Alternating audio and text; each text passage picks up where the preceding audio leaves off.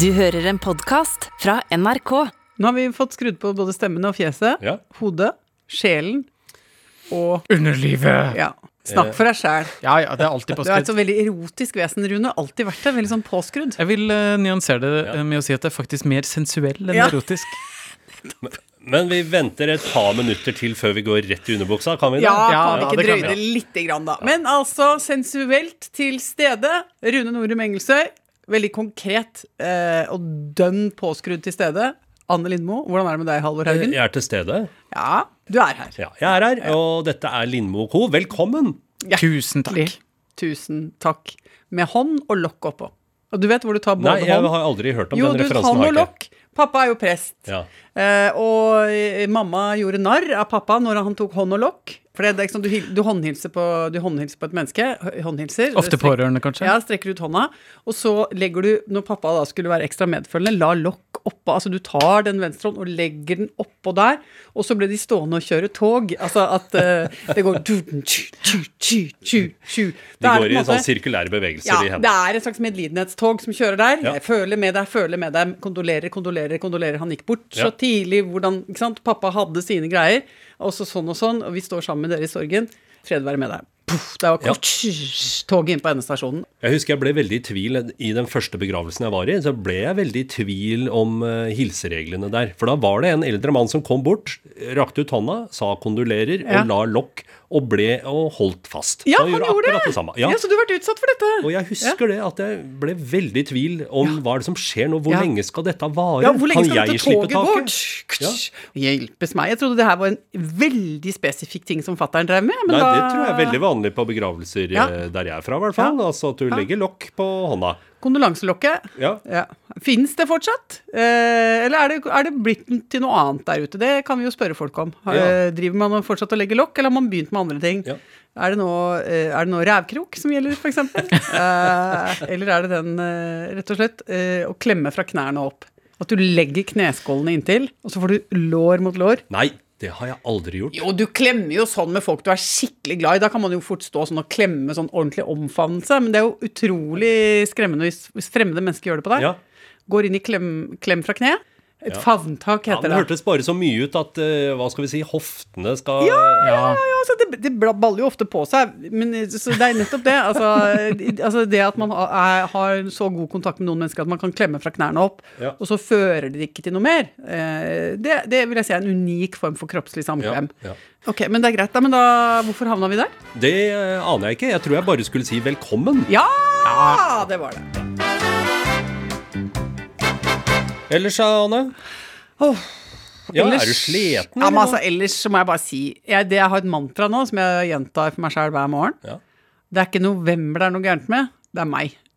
Det hørtes jo veldig trist ut. Nei, jo, men jeg prøver For at jeg så, og folk er sånn Å, november er så tung måned å komme gjennom, og å, Ja. det er liksom ingen høytider og bla. Det eneste som er i november, er dødens dag, liksom. Eller halloween. Det er jo litt, det er jo litt sant. Ja. At den måneden her har jo en del imot seg, liksom. Det er den nest verste måneden etter januar. Men jeg er på en måte prinsipielt ikke med på det.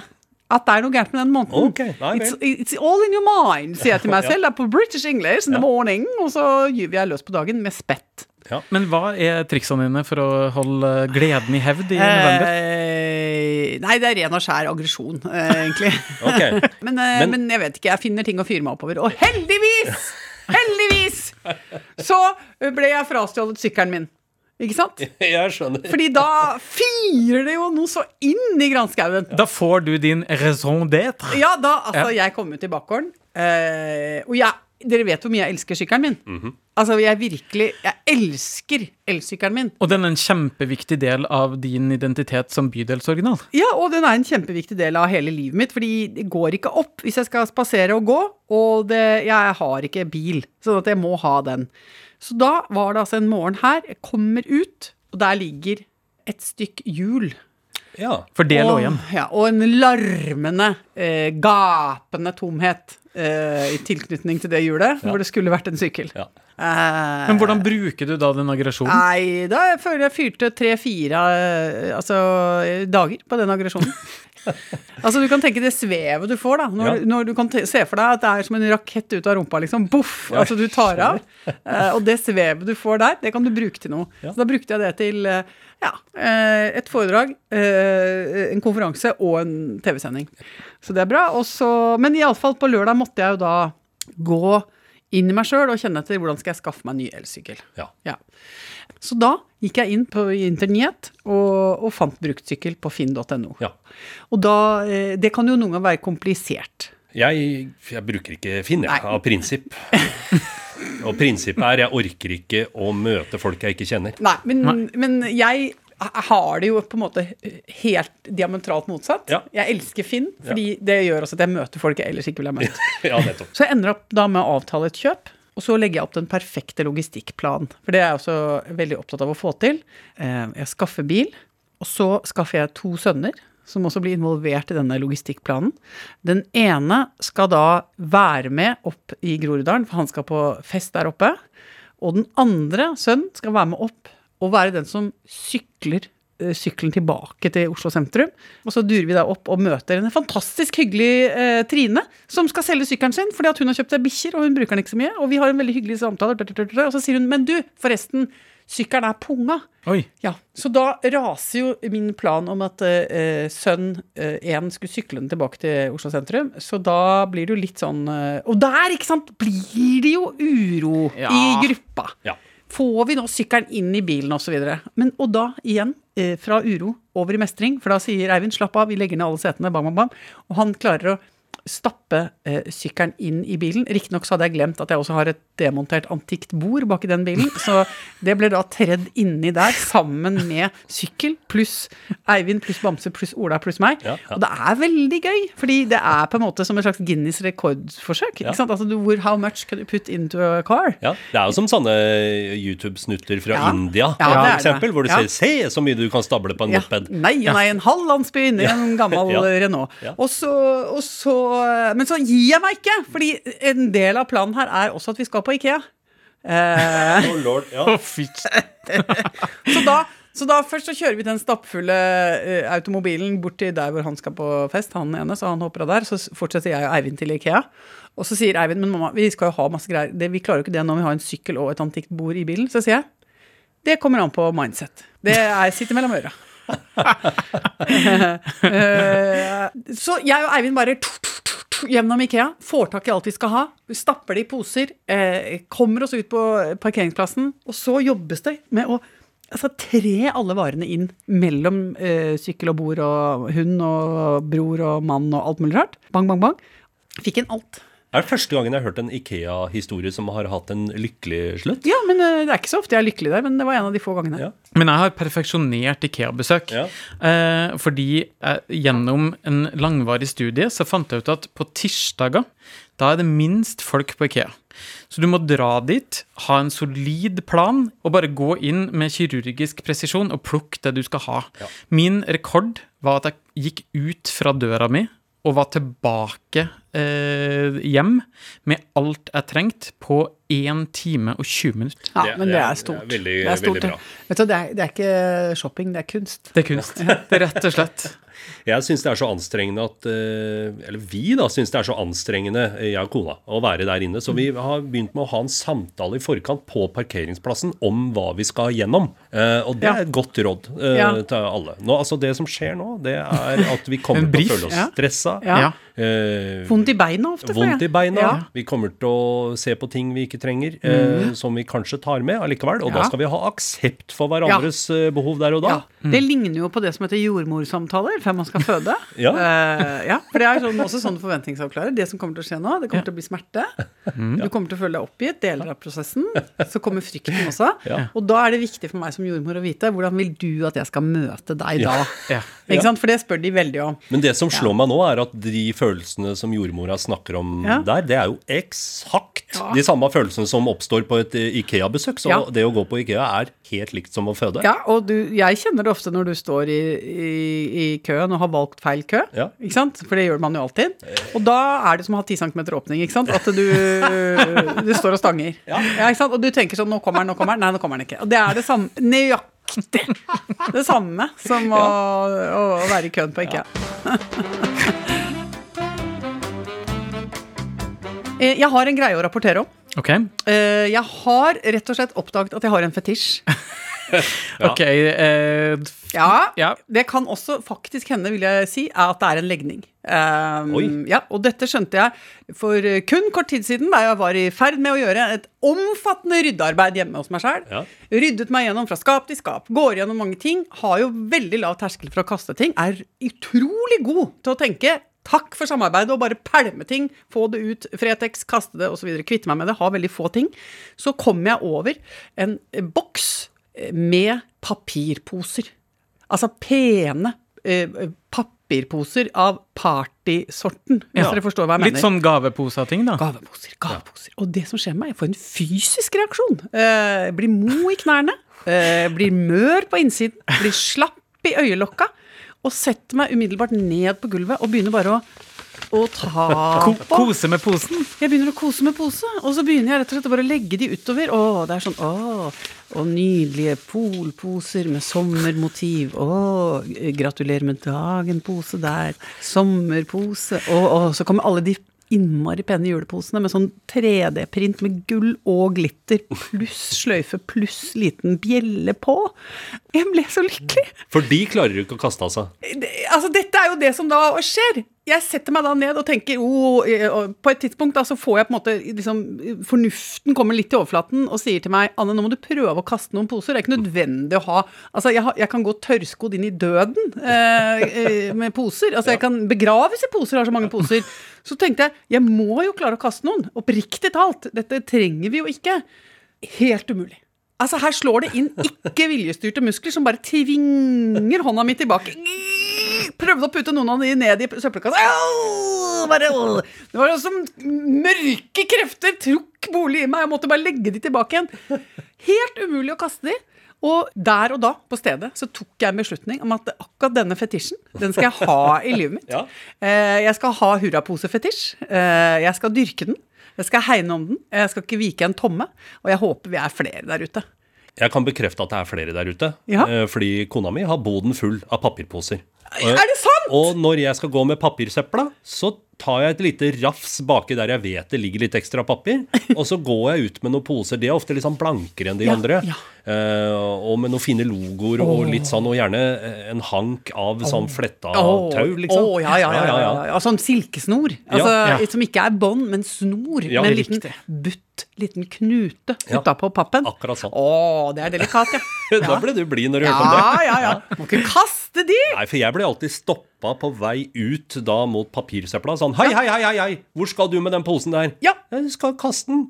Er du gæren i huet ditt? Får jeg høre, da. Dette gjør jeg også. Eh, fordi etter eh, feiringer og høytider hjemme hos oss, hvis eh, Hasse rydder f.eks., Ja, ja. så er det gjerne bare da å trø sånne eh, poser og gavebånd og alt mulig rart ned i en svart søppelsekk, og, og da ile ut mot eh, søpla. Og det, altså, jeg har ikke tall på de gangene jeg har hatt redningsaksjoner, og hentet opp vakre, helt nydelige eh, pynteposer som har ligget der helt ubeskyttet og vært døden nær helt til jeg kommer inn og redder dem opp igjen, og de får lov å komme inn i samlingen min og være der oppe. Åh, det er så deilig. Kosepose. Jeg har snakka med en kosekoser Ja. eh, en gang som eh, hadde gått enda dypere ned i fetisjen enn du og da til dels kona mi har gjort. Ja. Jeg jobba i et sånt radioprogram hvor folk kunne få hjelp til forskjellige ting. Ja! De skulle bytte bort gjenstander de ikke trengte lenger. Sånn var det. Ja. Og da ringte han inn og sa dø, jeg skulle ha bytta bort noe. Ja, hva skal du bytte bort? Jeg skal bytte bort plastposer. Plastposer, sier jeg. Ja, ja, det er jo ikke sånn kjempeverdi i det, men eh, ja, hvor mange plastposer er det snakk om? Jeg har 26 000 plastposer. Og, og da ikke sånn Angro-kjøpt i en butikk han hadde drevet Nei, nei, nei. han hadde lagt ned. Dette var unike samleobjekter. Jeg hadde et Ja. konkret minne knytta til hver eneste oh, plastpose. ja, den kjøpte jeg på et marked i, i, i München, ja. og den i Marrakech. Der den, kjøpte jeg nesespray da jeg var i Bergen og blei forkjøla. Ja, den fikk jeg på den gamle Sivon i Rakstad. Ja. Eh, Men kona hadde rett og slett stilt et ultimatum. Det blir meg eller påsene. Oi, oi, oi. Og det var ikke selvsagt for han. Nei. Altså, så Han måtte tenke seg om. Ja. Ja. Eh, Men han valgte kona, da. Han valgte kona over Ja, plastposene. ja. Åh. For en tillitserklæring det er. Ja, det er nydelig. Men, eh, å, men han fikk jeg litt omsorg og kjærlighet for, Ja, merker jeg. For jeg tenkte på det nå, at eh, hvis Hasse blir lei nok av poser, Ja. så kan jo han også stille deg det ultimatumet. Poseultimatumet? Ja. Ja, ja, ja, ja, ja, ja jeg ser det. Og, men jeg prøver å holde tinga hver for seg. Altså, ikke sant? Det at jeg er glad i å-. Ja, altså jeg koser med poser, men jeg, jeg, jeg, jeg drar jo ikke det med meg inn i hans sfære. Jeg sier ikke sånn Å, skulle ha lagt litt poser utover her? Nei. Uh, skulle ha kosa seg oppå noen poser? Altså, jeg, ikke sant? jeg driver ikke og gjør det lummert. Nei. Jeg driver ikke og, og rer opp med poser. Uh, ikke sant? Vi, vi skiller på filiene her, hvis Ja du skjønner hva jeg mener. Ja, Dere kan le, dere, men dette er dypt alvorlig for meg og veldig mange av de andre posekoserne der ute.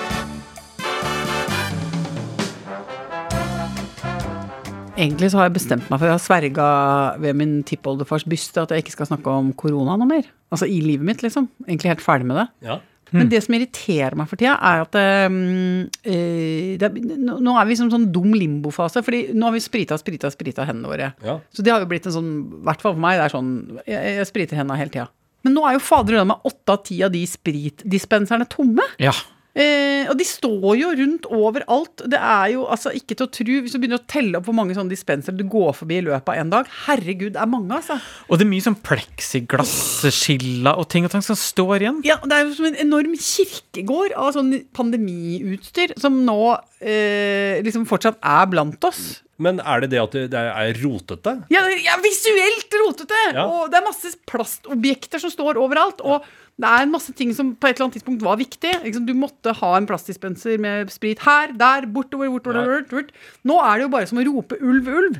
Altså at det står sånne små plastting og sier sånn Her må du stoppe! Nei, da er det ikke noe inni dem. Men det kan jo hende at helsemyndighetene tenker sånn Vi lar det bli stående eh, til neste greia. gåseinfluensaen kommer. Nei, det orker jeg ikke.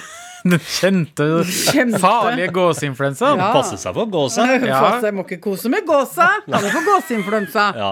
Nei, det gidder jeg ikke. Okay. Jeg vil ha det ut, det må ryddes bort og ordnes opp, og så må vi nullstille, og så må vi bli klar for det neste drittet som treffer menneskeheten. Det er litt som at juletreet skal ut 13. da. Ja. Fordi man kan jo, hvis man har et plasttre f.eks., Ja. eksempel så kan man bare la det bli stående til året etter. Altså, Det skal jo ha det på samme sted allikevel. Ja, men vi kan ikke ha det sånn med pandemi. Nei, okay. At vi har all beredskapen stående i tilfelle, som du sier, Ja.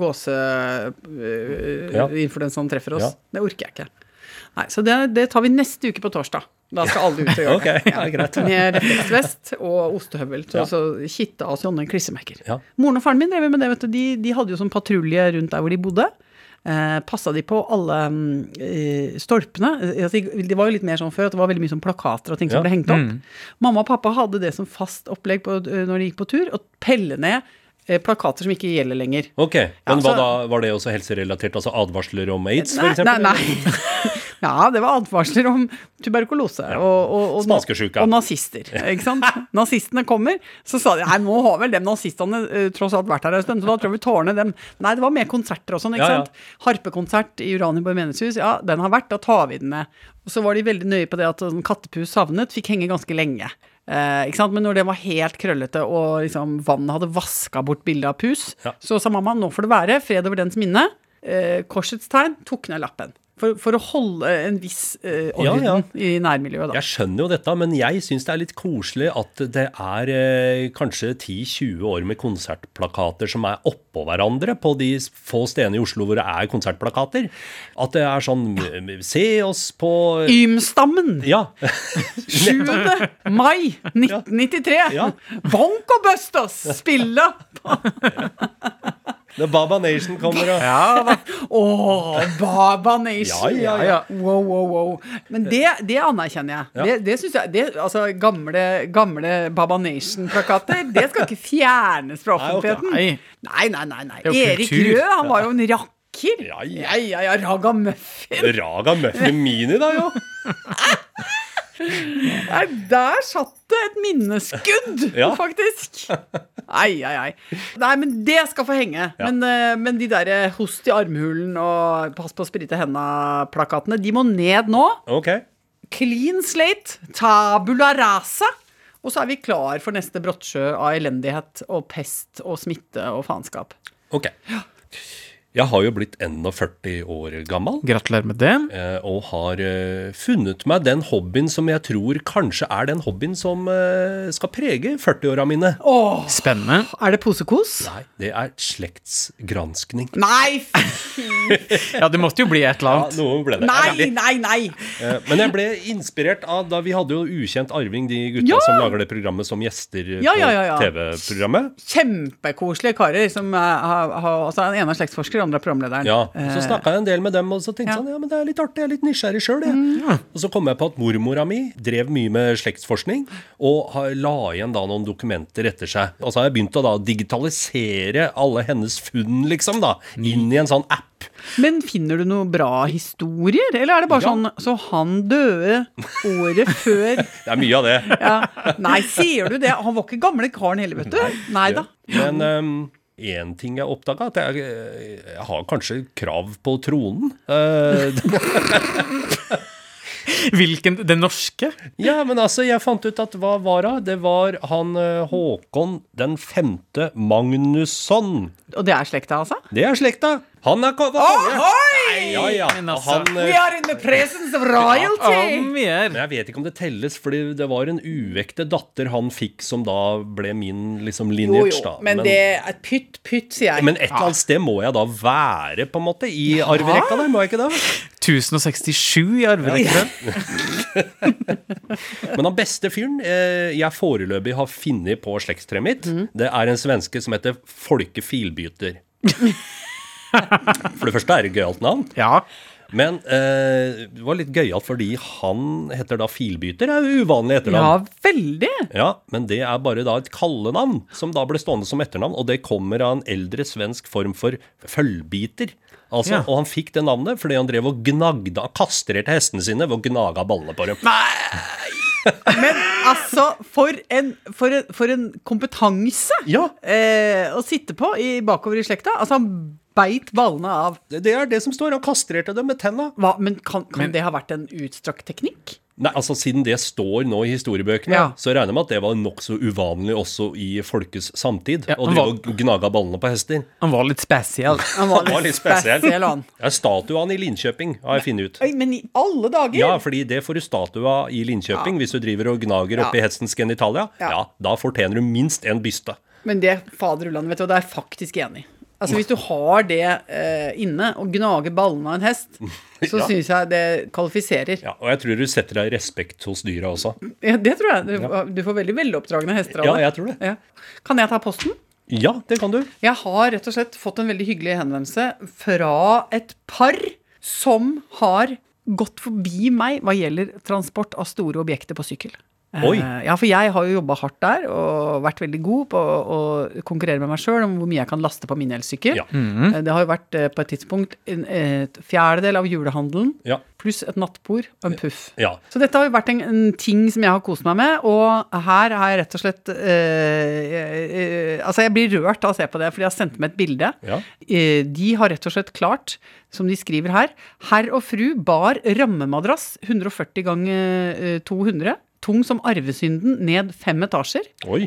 Deretter ble beistet surret fast på sykkelhenger og transportert opptil flere kilometer til Nyheim. Ja, men i alle dager. Mannen foran som hest, undertegnede bak som følgesykkel, kontrollør og observatør.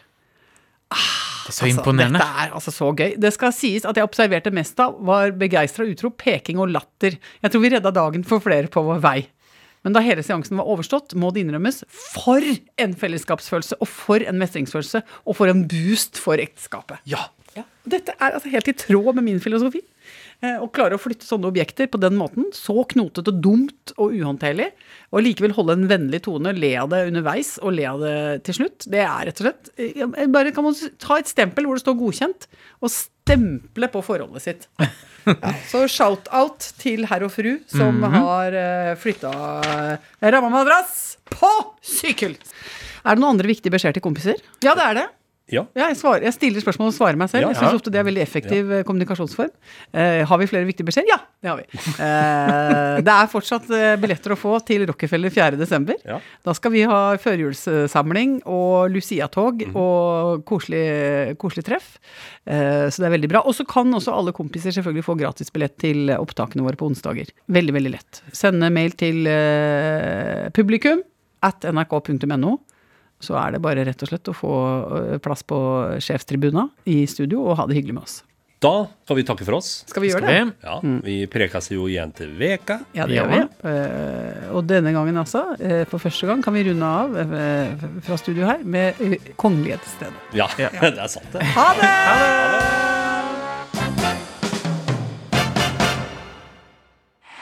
En podkast fra NRK.